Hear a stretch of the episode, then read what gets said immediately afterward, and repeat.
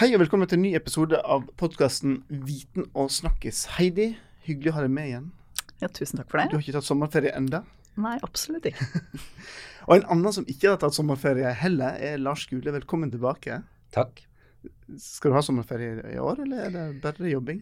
Det er vel kanskje litt mindre jobbing enn eh, til daglig, eh, men, eh, men det går an å lese i sola også. det er sant. Eh, jeg sier velkommen tilbake. Du har vært med i to andre episoder. Først for et, par år siden vi snakket om terror og terrorfare før sommerferien. Og så har vi òg snakket om konspirasjonsteorier. Men, eh, men eh, dagens tema er egentlig juss. eh, og det er kanskje mange av har sett deg i, i nyhetene uttaler deg om, om eh, alt mulig innenfor terrorisme, f.eks. Men du sitter også som sakkyndig ofte i, i retten. Eh, hva er det for noe, egentlig, å være sakkyndig? En sakkyndig er strengt tatt egentlig ikke noe annet enn en person som kan mer enn gjennomsnittet om et tema. Med andre ord en person som kan brukes til å opplyse et saksområde eh, for retten. Og da kan en sakkyndig være en person som har formell kompetanse. Psykologer, psykiatere f.eks., med doktorgrader og masse forskning. Brukes jo som sakkyndig i, i, i mange typer saker. Men man kunne tenke seg at f.eks. en som restaurerte veteranbiler og bare hadde bygd kompetansen helt praktisk, også kunne komme inn som sakkyndig hvis det dreide seg om veteranbiler i eh, en eller annen sak. Eh, Det er ikke noen formell kompetanse å være en som eh, rekonstruerer veteranbiler. Men for mitt vedkommende så dreier kompetansen seg om kunnskap om politisk islam, ekstrem islamisme og Syria, situasjonen i bl.a. IS-kontrollerte områder i Syria, hva fremmedkrigere er, osv. Så, videre. Mm. så det er det jeg blir eh, spurt om. Eh, ikke mine synspunkter på norsk lov osv. Det er eh, en annen nå? Ja. men, men hvem er det som uh, inviterer til å være sakkyndig? Er det, er det dommeren og rettsapparatet? Er det aktor? Er det forsvarer? Altså, hvordan er det det henger sammen? Ja, Det er eh, litt forskjellig. Eh, Partene i en sak kan be retten om å oppnevne sakkyndige. Eh, Og aktoratet i disse sakene gjør eh, gjerne det. De vil ha sakkyndige, folk som kan noe om eh, den islamske stat, Al Qaida, politisk islam osv. Noen ganger bruker de da sine egne analytikere i PST. Da er de partsoppnevnt. Andre ganger så får de retten med på at vedkommende bør være rettsoppnevnt.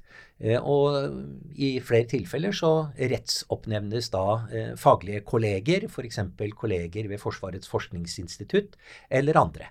Jeg har blitt eh, eh, bedt om å være sakkyndig av eh, Forsvaret i en rekke eh, saker, eh, og Forsvaret har ved flere anledninger også begjært meg rettsoppnevnt. Noen ganger går retten med på det, andre ganger så går retten ikke med på det. Ja, så du har også siktet i flere, flere av disse sakene mot fremmedkrigerne de siste årene. Ja, jeg har vært eh, i alle sakene. Den aller første saken fulgte jeg i tingretten. Den fikk jeg ikke fulgt i eh, lagmannsretten, og jeg fikk heller ikke fulgt den hver dag. Men de øvrige sakene så har jeg vært til, til stede nesten hele tiden, så langt eh, det praktisk har vært mulig. Hva er en, egentlig en fremmedkriger? For det, Vi leser jo mye om det, eh, men, men eh, hvordan er det du vil definere en fremmedkriger? En fremmedkriger er en person uten noen si, formell tilknytning til eh, en konflikt, som reiser til et konfliktområde og deltar på den ene eller den andre siden, eh, primært av ideologiske, idealistiske grunner, og ikke inspirert av eh, økonomisk vinning. Det er med andre ord forskjell på en fremmedkriger og en leiesoldat. Dette er eh, for så vidt den leksikalske definisjonen av dette. Mm. Men det, som jo er aller mest interessant i disse sakene, er jo disse nye terrorbestemmelsene. Altså, hva, hva må egentlig til for å dømmes etter de nye terrorbestemmelsene? bekymringsfullt lite, etter min vurdering. Og det er derfor jeg har skrevet nå denne artikkelen i Kritisk juss, som ble offentliggjort eh, sist mandag. Eh, og eh, jeg syns det er eh, problematisk fordi denne typen lovgivning i realiteten er en straffeskjerpende lovgivning. Eh, det er ikke slik at det er si, eh, noen selvstendige eh, forbrytelseskategorier det er snakk om. Eh, alle de konkrete handlingene som man kan dømmes for hvis man dømmes for terrorhandlinger, er allerede straffbare. Mm. Det kan være sprengning, det kan være drap, det kan være andre typer trusler, overgrep osv. Alt dette er jo allerede straffbart. Så her er poenget at for at noe skal være en terrorhandling, for at et drap, en sprengning, skal være en terrorhandling, så må hensikten til den som utøver handlingen, må være å skremme befolkningen eller å tvinge en regjering til å gjøre noe eller å unnlate å gjøre noe den ellers ville eh, ha gjort. Eh, med andre ord så handler dette om aktørenes motiver. Og det er det som gjør denne typen lovgivning ganske spesiell. For en drapssak, da etterforsker man drapet. Så kan man eventuelt finne ut ja, det var rasistisk motivert, at det kan være straffeskjerpende. Men med terrorlovene så gis det en mulighet til å gripe inn før en handling er gjennomført, fordi eh, påtalemyndigheten eller lovgiver eh, mener at dette er så alvorlige forbrytelser at vi må kunne stoppe dem før noe har skjedd.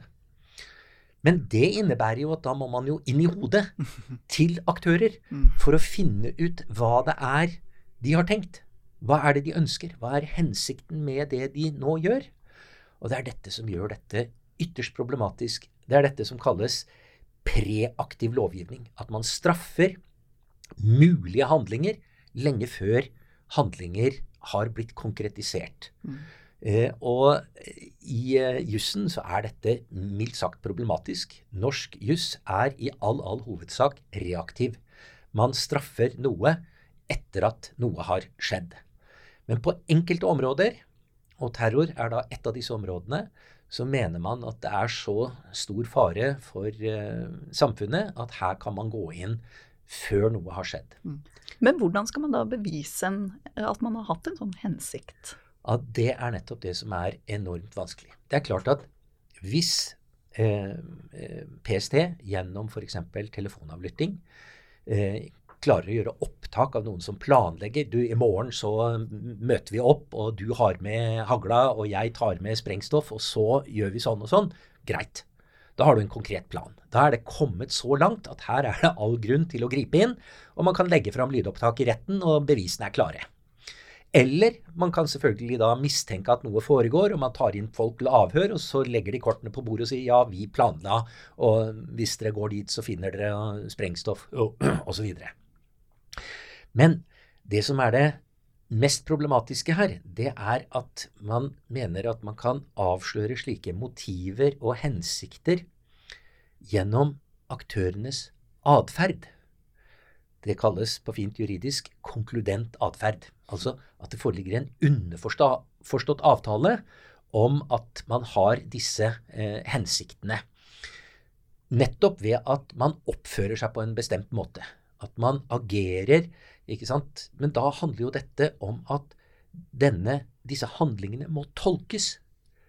Og da sitter påtalemyndighetene og sier ja, men fordi du mener det, fordi du har de meningene, fordi du har uttrykt støtte til en terrorgruppe, når du da reiser til det vi mener er denne terrorgruppa, da er det klart at hensikten din er å gjøre det denne terrorgruppa har gjort mye av, nemlig å skremme en befolkning, tvinge en regjering osv.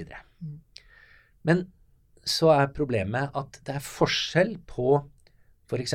noen som planlegger et terrorattentat i uh, Tyskland. Uh, og noen som da slutter seg til Røde armé-fraksjonen på uh, eh, 70-tallet. Da er det rimelig å si at ja, men den gruppa der, den driver opplagt med terror. Fordi det er ikke grunn til væpnet motstandskamp mot regimet i Tyskland. Det er faktisk et demokratisk styresett der, og det er mulighet for å protestere på andre måter enn å drive terror. Mm. Så kom man til situasjonen i Syria, eh, hvor det i hvert fall siden sommeren 2012 eh, har foregått en borgerkrig. En borgerkrig hvor Norge politisk støtter den ene siden, nemlig opposisjonen. Og så er det da mange ungdommer som har dratt, særlig etter, eh, etter 2012, 2012, 13, 14, for å slutte seg til en eller annen av opprørsgruppene for å bekjempe eh, regimet i Damaskus. Eh, for å forsvare muslimer, for å forsvare islam. Og noen har sågar reist bare fordi de ønsker å leve i en islamsk stat. Det er det vi faktisk vet om deres motiver. Men nei, sier påtalemyndigheten, fordi dere har dratt til den islamske staten, så må det nødvendigvis være slik at dere har til hensikt å drepe noen, sprenge noe, osv., for å tvinge eh, regjeringen i Damask Å ja, men det syns jo faktisk Norge er ok. At man vil tvinge den regjeringen til å gå av. For vi støtter ja, ikke den islamske staten eller Jabhat al-Nusra, men vi støtter andre deler av opposisjonen som har akkurat de samme målsettingene i borgerkrigen eh, som det disse gruppene, eh, fremmedkrigerne, de norske fremmedkrigerne, i hovedsak har slutta seg til. Ja, så Hva er egentlig da forskjellen på IS og de andre grupperingene? Det er ingen som helst tvil om at Den islamske stat er en forferdelig terrororganisasjon. Men den er også noe mer. Og det er det som forsvinner. Hvis vi da bruker nettopp eksempelet med Den røde armé-fraksjonen i Tyskland, så kunne ikke de drive med noe særlig annet enn å sprenge og skyte og kidnappe. Men Den islamske staten har forsøkt å bygge en stat de har hatt et eh, veisystem å vedlikeholde. De har hatt ingeniører der som har fylt hullene i veien, som har eh, lagt eh, brostein og ordna fortauer. De har hatt eh, et byråkrati med velferdsordninger. De har hatt et utdanningssystem. Eh, de har hatt et skatteinnkrevingssystem. De har hatt et eh, rettsvesen. så kan man mislike det så mye man vil. Men faktum er at de har hatt veldig mange oppgaver som går langt utover det å skyte, drepe og skremme. Og det har vært fullt mulig, ikke bare fullt mulig, men det har vært nødvendig for den islamske staten å fylle disse andre oppgavene. Eh, og da er det, for meg i hvert fall, ganske underlig at man sier vel, Slutter du deg til den organisasjonen, uansett om du jobber på organisasjonens sykehus eller i eh, et eller annet byråkratisk eh, organ, i, eh, så er, har du sluttet deg til en terrororganisasjon. Og hvorfor er dette et poeng? For de aksepterer altså påtalemyndighetene denne tenkemåten når det gjelder den islamske stat. Ikke når det gjelder Hamas på Gaza. Hamas er ikke på noen norsk, eh, noen norsk eh, påtalemyndighets terrorliste. Og hvorfor ikke? Den eneste grunnen er at Den islamske stat og Jabhat al-Nusra står på FNs terrorlister. Det har Sikkerhetsrådet kunnet bli enige om. Hamas står ikke der. Fordi det blir ikke Sikkerhetsrådet enige om. PKK, som Tyrkia, EU, USA mener er terrororganisasjon, står ikke der. For det blir ikke Sikkerhetsrådet enige om. Og du kan nevne den ene grupperingen etter den andre som etter rimelige definisjoner av terror faktisk bruker terror. Mm. Eller begår grove overgrep, krigsforbrytelser. Og hvorfor er dette relevant? Jo, fordi det står i forarbeidene, og de er en kilde til å forstå lovene, så står det i forarbeidene at norsk rett skal ikke eh, legge til grunn som eneste bevis for at en gruppe er en terrororganisasjon, at den er oppført på en eller annen terrorliste. Men det er det man gjør i disse tilfellene. Og her våger jeg den påstanden. Retten har ikke, verken tingrett, lagmannsrett eller høyesterett, har i noen av disse sakene gjort en egen selvstendig vurdering av om Jabhat al-Nusra, den islamske stat, er terrororganisasjoner. Det er gode grunner til å mene at de er det. Men retten har ikke gjort den øvelsen. De har utelukkende vist til at de står på FNs terrorlister. Og da blir problemet at når du har andre aktører i den syriske borgerkrigen som bruker de samme virkemidlene som IS, dreper, skyter, sivile, uskyldige, skjærer hodet av folk, spretter dem opp og spiser hjerter, filmer det, legger det ut på video Det gjør også andre grupper. Til og med grupper som Norge gir politisk støtte til, har gjort dette. Og i tillegg i flere tilfeller så har disse gruppene slåss side om side mot regimet. Det har vært enheter fra IS, Jabhat al-Nusra, Free Syrian Army, andre grupper, som da har diskutert, blitt enige om at ok, dette klarer vi, nå kan vi i fellesskap angripe dette, denne militærbasen til regimet. Og det har skjedd ved flere anledninger. Og da er det jo paradoksalt at du, Free Syrian Army, heltmodig frihetskjemper, politisk støtte fra Norge. Du som ligger ved siden av eh, karen fra Free Syrian Army, du er i Jabhat al-Nusra. Og du er derfor en terrorist som skal dømmes dersom du kommer tilbake til Norge. Mm. Men har det vært noen i disse sakene som har påstått at de har eh, ikke vært i IS, men de har f.eks. Eh, kjempet eh, i Free, Syrian Army, og så har de ikke eh, ikke Free ikke Syrian Army. Uh, det er personer som uh, åpenbart har vært i andre grupper mm. som ikke står på terrorliste. Og da sier påtalemyndigheten dette tror vi ikke på. Selv om du sier at du har vært i den og den gruppa der, så mener vi at det nok sikkert er uh, Jabhat og Nusra, fordi vi har noen opptak som indikerer at jo, du sier jo at du har vært der og der. Og det har de da fått Eh, medhold i retten eh, for. Det sitter en med sju og et halvt års, nei, åtte, år, åtte års fengsel, som etter all sannsynlighet var med i en tsjetsjensk gruppe, ikke terrorlistet, men alliert med Jabhat al-Nusra. Eh, og det Nei, det var Jabhat al-Nusra, og det ble han dømt for. Mm. Men den, denne loven er jo er vel kommet på plass for å gjøre et forsøk på å beskytte oss og unngå kriminelle handlinger, terrorhandlinger. Ja. Det er jo alle lover. Tror du, den har, men tror du den har fungert sånn uh, etter intensjonen, at den òg har hindra? Nå er du inne og ser på ting, ting de ikke får til, eller ikke blir brukt eh, etter hensikten. Men, men, tror du den òg har klart å for, forhindre noe? Det er det veldig vanskelig å si. Eh, vi har ikke hatt avsløringer av, av terrorplaner i Norge. Dvs. Si, eh, i hvert fall ikke fra hjemvendte fremmedkrigere. Vi har eh, et eksempel på domfellelse. Eh, og det var tre personer involvert. Den ene var informant for PST og ble ikke terrortiltalt, mens de to andre Eh, ble dømt etter eh, disse terrorbestemmelsene eh, fordi de hadde planer om et angrep mot Jyllandsposten i Danmark. Alternativ forklaring var at nei, det skulle den kinesiske ambassaden i Oslo som, som skulle være målet. Og her var det også forbindelser til Al Qaida gjennom deltakelse på treningsleir og telefonisk kontakt. Eh, jeg fulgte ikke den saken. Dette var på tampen av 2000-tallet. Eh, så jeg skal ikke uttale meg om bevisenes eh, soliditet. Men der mener jeg det var relevant å bruke disse terrorbestemmelsene. For det handlet om en aksjon i Norge, eventuelt Danmark. Mens bildet er noe helt annet i en, i en borgerkrig. Har det forhindret noe?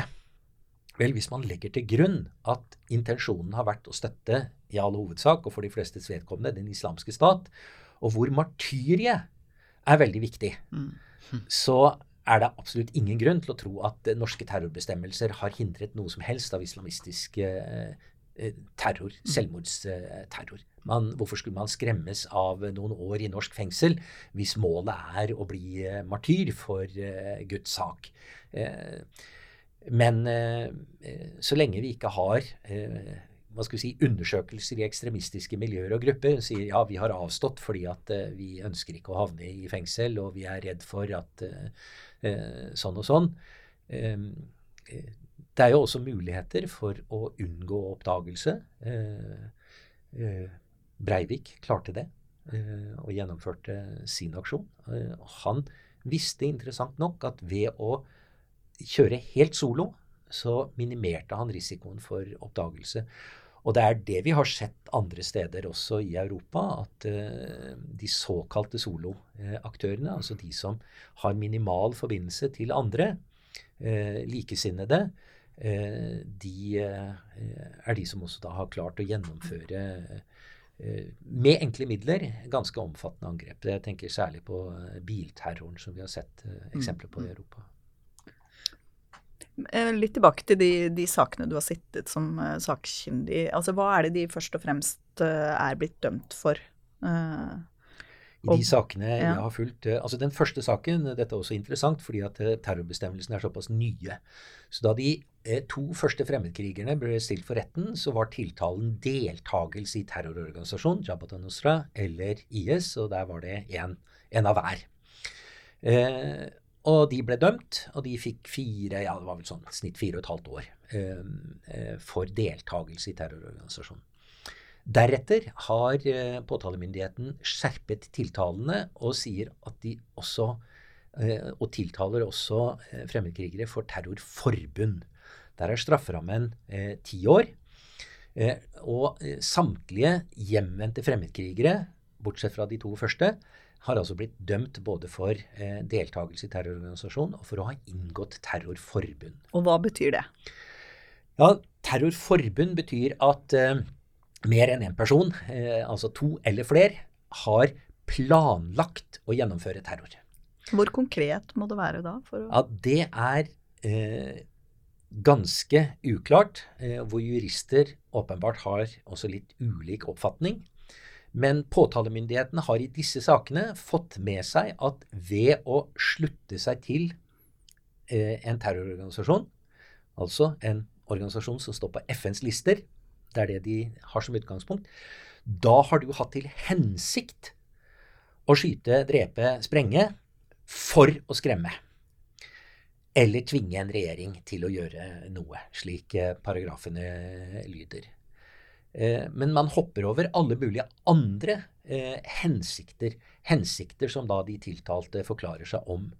Og det er interessant at det er ikke en eneste av de dømte som er dømt for Altså, Man kunne jo underbygge en slik antakelse om at eh, hensikten din er å skremme den syriske befolkning osv. ved å si og du deltok i kamp der. Du var med i kampene om Kobane. Du var med i angrepet på den flyplassen. Vi vet at, for du har jo lagt ut eh, osv. Ingenting slikt. Det er ikke én eneste konkret handling disse er eh, tiltalt for å ha eh, gjennomført eh, Eh, vært delaktig i. Eneste grunnlaget for å domfelles for terrorforbund, det er påtalemyndighetenes oppfatning, som er en overforenkling av dimensjoner. Nemlig at hvis du drar til Syria og blir med i den eller den organisasjonen, altså de som står på FNs terrorlister, da har du så å si allerede fra du dro fra Norge, tenkt å skyte, drepe, sprenge for å skremme Eh, og for å tvinge regjeringen. Dette regjeringen i Damaskus. Det siste er jo opplagt. Altså, jeg mener, Det er det en borgerkrig handler om. Og da blir igjen paradokset at for og, og, og jeg syns det er ganske skremmende. For da står altså aktor i eh, retten og sier at regimet i Damaskus er et legitimt regime. Nei, det er det ikke. Norge anerkjenner ikke regimet i den forstand eh, at vi mener opposisjonen har rett til å fjerne dette regimet. Det har både den eh, rød-grønne regjeringens utenriksminister sagt, og nåværende regjerings tidligere utenriksminister eh, sagt. Eh, her klarer ikke aktor å skille mellom det legale, for at regimet er legalt, er anerkjent, har plass i FN osv., eh, og det legitime, som altså handler om at du har en berettigelse, at du har den nødvendige oppslutningen og aksept etter andre normer enn de rent internrettslige. Eh, hadde det ikke vært slik, så kunne ingen ha blitt dømt i Nürnberg f.eks. etter annen verdenskrig. Fordi de fulgte jo stort sett tysk lov. Det var slik sett legalt. Og skulle man tro aktor, så var altså regimet i Tyskland legitimt. Det var det jo selvfølgelig ikke. Det var et illegitimt regime, og de ble dømt etter folkerett og naturrettsprinsipper. Derfor er det ikke urettmessig, hvilket er formuleringen i lovparagrafen, som de da blir dømt etter, å forsøke å styrte regimet i Damaskus. Det er ikke urettmessig. norske myndigheter mener ikke det er urettmessig. Og likevel så får altså påtalemyndigheten medhold i det. Det vil si, det er da gjerne det andre punktet. Dette er punkt C i paragrafen. Mens punkt B det forteller at det handler om å skremme en befolkning. Ja, jo, det er klart at hvis du sprenger en bombe på en kino i Oslo, så skremmer du befolkningen i Oslo. Er det mulig å tenke seg at du skremmer befolkningen i Syria hvis du sprenger en bombe, samtidig som tønnebombene raser ned i nabolaget? Eh, samtidig som artilleriet dundrer løs, samtidig som det foregår kamper lenger ned i gata? Hvem ville, hvem ville i det hele tatt registrere at det gikk av en bombe i en kino i Aleppo mens kampene raste? Altså, og igjen, her er det viktig å se til forarbeidene. Det må faktisk være slik at du kan oppnå skremselshensikten for at det skal være en hensikt om å skremme, mm. som du kan dømmes etter. Og dette ignorerer retten. Det er ikke tatt med. altså.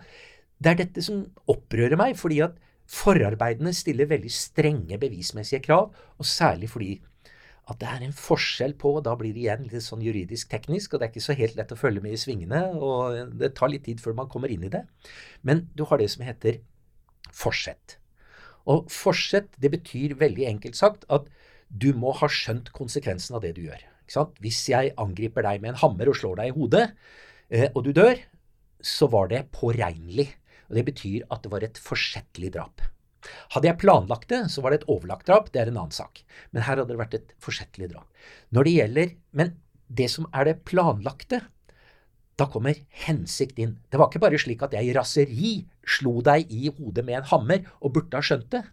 Men hensikten var å drepe deg, og det var derfor jeg gikk og kjøpte hammeren på Claes Olsson. Nå skal jeg jammen slå i hjel den personen. Ikke sant? Jf. den saken, eh, tragiske saken fra, fra Rogaland. Ikke sant? Hvor, eh, hvor, faktisk vedkommende hadde spekulert i å finne et offer for å drepe. Ikke sant? Da har du en hensikt. Ikke sant? Men det er, dette, det er dette hensiktskravet som da skal bevises hinsides rimelig tvil, og da må det være mulig å få skremt noen. Og kan man ved å delta som aktør, stå vakt med gevær eller delta i kampene om Kobane, kan man skremme den syriske befolkningen ved å delta, ja, men da skremmer jo også Free Syrian Army. Da skremmer de syriske regjeringsstyrkene, eh, Shia-militsen fra Libanon osv. Med andre ord, det er slik at man sier fordi den organisasjonen der står på FNs terrorliste, så er alt den gjør, terror. Hva de andre gjør, ja, det er krigsforbrytelser. Så det vedkommer ikke retten. Dette blir etter min mening ganske problematisk. Nå sitter du her og er veldig kritisk til eh, måten denne loven blir, blir, blir brukt på. Men, men, er det i hele tatt realistisk å tro å kunne håndheve denne loven på en bedre måte? Vi snakker om Syria, vi snakker om borgerkrig. Det er jo et kaos uten like. Og distansen mellom et norsk rettssal og Syria er jo maks. ikke sant? Altså, er det i hele tatt, kan, kan vi forvente at det, en, en sånn rettsprosess i hele tatt kan ta inn over seg alle disse detaljene som du påpeker, Nei. som må være med? Nei. Og nettopp derfor så bør man eh, mildt sagt være forsiktig med å reise tiltale i disse sakene. Ja, men da kan jo skyldige gå fri. Ja, det er prinsippet i en rettsstat at det er bedre at ni skyldige går fri enn at én uskyldig blir dømt. Eh, alternativet er at man tiltaler eh, for forbrytelser mot menneskeheten, for brudd på eh, folkeretten. Det er det det internasjonale samfunnet har gjort tidligere i Jugoslavia, i Sierra Leone, i Rwanda. Men det skjer jo lenge etterpå, etter krigshandlingen? Nettopp. Og det krever bevis. Vi har hatt frifinnelser i disse sakene. Og det forteller hvor vanskelig det er. Så det som her skjer, det er at myndighetene i Norge og en del andre land driver cop-out. Man tar eh, snarveier for å få dømt. Og det er det som er rettsstaten uverdig. Eh, og nå er vi midt oppe i en situasjon hvor man diskuterer ja, hva med fremmedkrigerne som nå er tatt til fange, som sitter internert. Noen venter på eh, rettssaker i Irak eh, og eh, hos de kurdiske selvstyremyndighetene i, eh, i, Syria. Og så sitter det en masse kvinner og barn internert. De syriske eh, kurderne har ingen mulighet til å straffeforfølge alle disse. Så de ber om at de blir sendt hjem, og da sier ja, kommer de hit, så skal de i fengsel. Eh, ja, hva da med bevisene? Ja, men de har vært der. Det er nok. Mm. Dette er uverdig. Rett og slett. Helt uverdig. Man skal dømmes for det man har gjort, ikke for å ha vært et sted. Igjen. Det står faktisk i forarbeidene.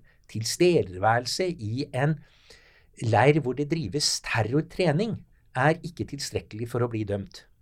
Tysk rett slår fast at blotte nærvær i IS-kontrollerte områder Der har man hatt en kvinne stilt for retten nettopp for det.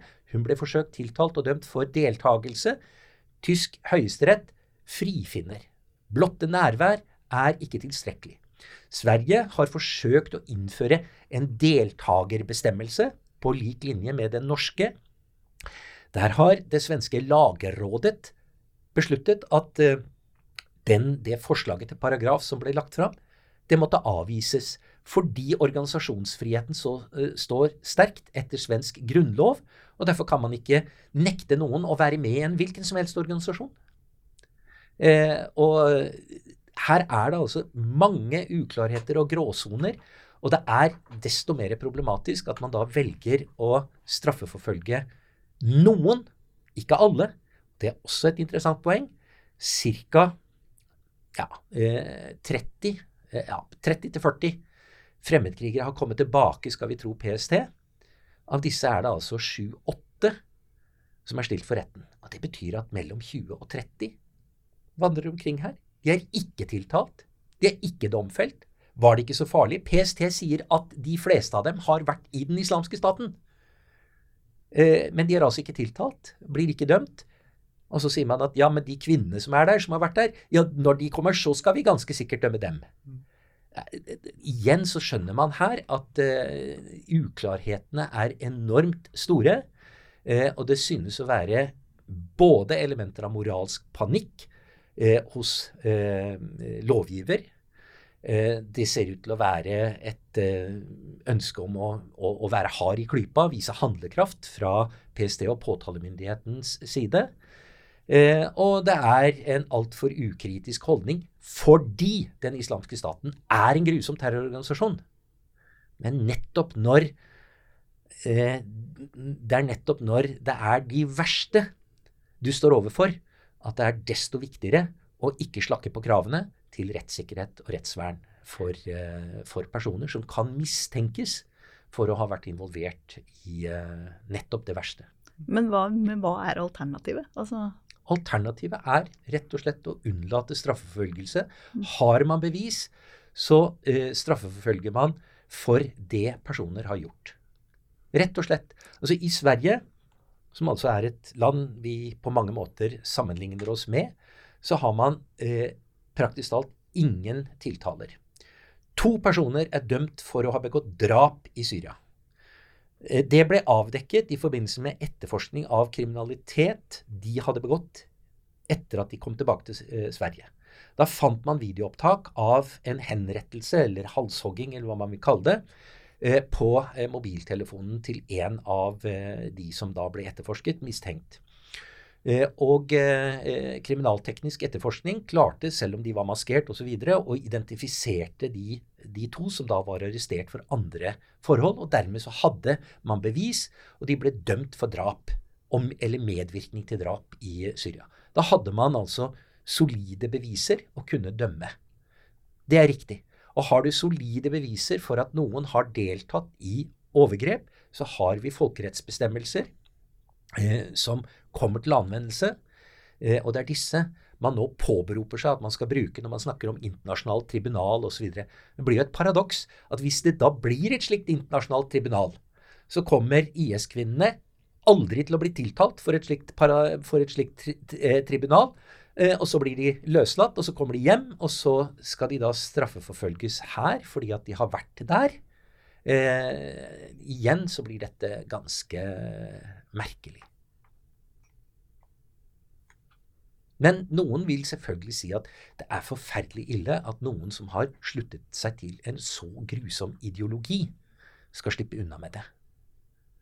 Det, det er nettopp det at vi Det er ikke forbudt å ha avskyelige tanker. Det er ikke engang forbudt å hylle terror i Norge.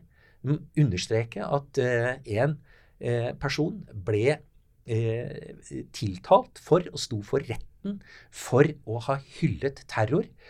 Og påtalemyndigheten argumenterte da med at dette har vedkommende gjort i flere ulike Facebook-poster. Til sammen så er dette en oppfordring til terror. Og det er straffbart. Så det tiltaler vi ham for, og det vil de ha han dømt for. Mm. Og så ble han frifunnet. Blankt frifunnet for nettopp dette.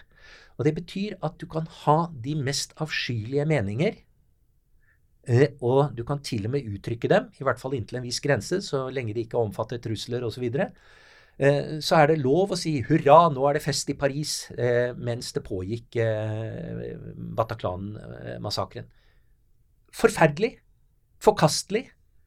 Det skal fordømmes, men det skal faktisk ikke straffes i rettssystemet. Men hva er forskjellen på den saken og de andre, altså de fremmedkrigersakene som du har? Ja, det kan man spørre om.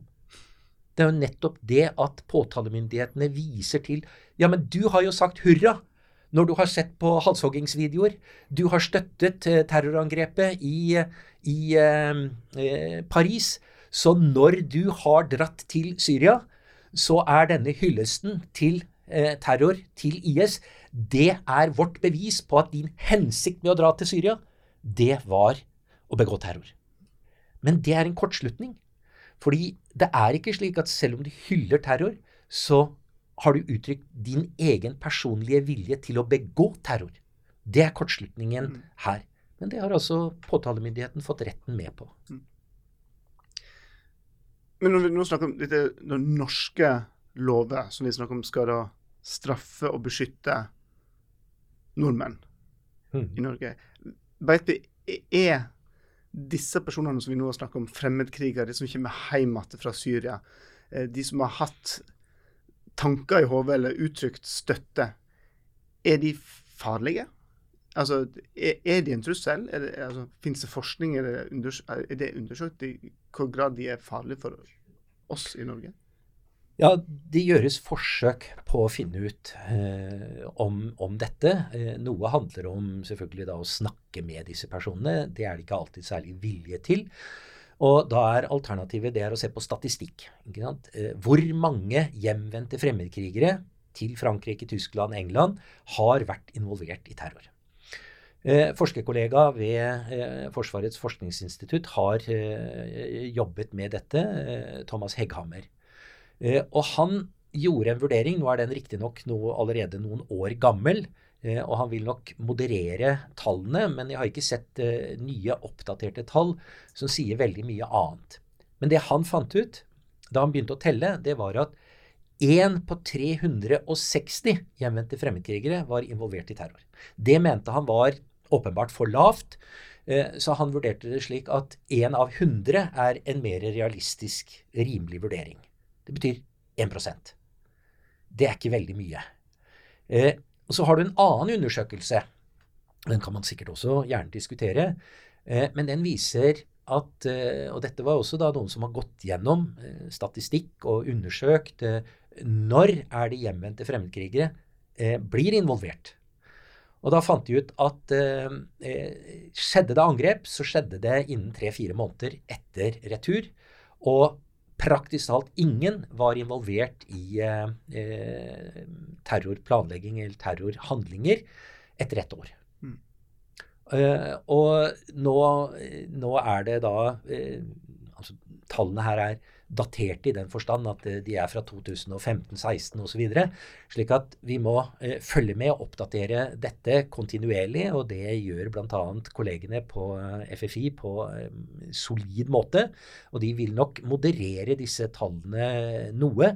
Men like fullt, i motsetning til fremmedkrigere fra Afghanistan, Bosnia, hvor det var Unnskyld.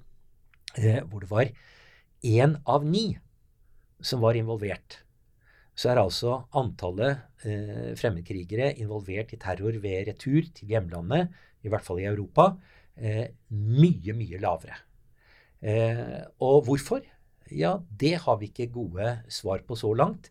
Men det er i hvert fall en indikasjon på at for veldig mange som reiste til Syria, eventuelt Irak, så var ikke hensikten å begå terror. Verken der eller her men nettopp å bekjempe regimet, forsvare muslimer, forsvare islam osv. Mm. Det er all grunn til å ta disse motivene som de har oppgitt, til forskere, til journalister, på alvor, og for så vidt også i rettssalen når de har blitt stilt for retten i Norge og, og andre land. Så vi vet litt om hva de har sagt har vært deres hensikt. Og det samsvarer altså med eh, det statistiske bildet vi har av hvor mange som har blitt eh, involvert i terror. Mm. Det betyr ikke at jeg undervurderer faren, men jeg ønsker ikke at vi skal overvurdere den heller. Det er veldig viktig. Lars, dette har vært først og fremst veldig lærerikt for uh, sånne som meg som ikke er inne i jussens verden i det hele tatt. Ja, absolutt. Eh, og mange begreper å holde styr på. Ikke enkelt, mm. men er man interessert, så kan man altså lese denne artikkelen, eh, som nå er åpent tilgjengelig i Kritisk juss, og som har eh, tittelen 'Fremmedkrigere og terror'. Kanskje litt utfordrende for noen, men kommer man igjennom, så har man i hvert fall et eh, visst utgangspunkt mm. for en videre diskusjon av et veldig viktig tema. Ja. Og Den kommer vi til å lenke opp uh, til i uh, den podkasten. Jeg har lest gjennom den, og jeg, som sagt, jeg har ikke noen jusserfaring, men jeg, jeg, jeg, lærte noe en del nytt der. Så, ja. ja, den er absolutt mulig å forstå for eh, legmann. Og kjenner jeg deg rett, Lars, så er ikke dette her siste gang vi hører om dette temaet her. Jeg er sikker på at vi kommer til å høre deg i andre kanaler fremover og, og ta opp disse viktige sakene. Jeg håper at jeg kommer et stykke lenger på et bokmanus er, om samme tema som jeg jobber med nå i sommer. Nettopp. Det var den sommerferien, altså. Lars, tusen takk igjen for at du ville komme. Så får du lykke til videre med arbeidet med den viktige saken. Takk, og god sommer selv. Ja. Og til dere som har hørt på, uh, det kommer én episode til uh, før vi tar sommerferie. Da skal vi snakke om noe helt annet. Det er pandemier. Og så, etter litt pandemi, så tar vi eh, altså sommerferie. Og så er vi tilbake i august med nye episoder. Vi tar sommerferie med veldig hyggelige tema. Veldig hyggelig tema. God ferie, Heidi. God ferie.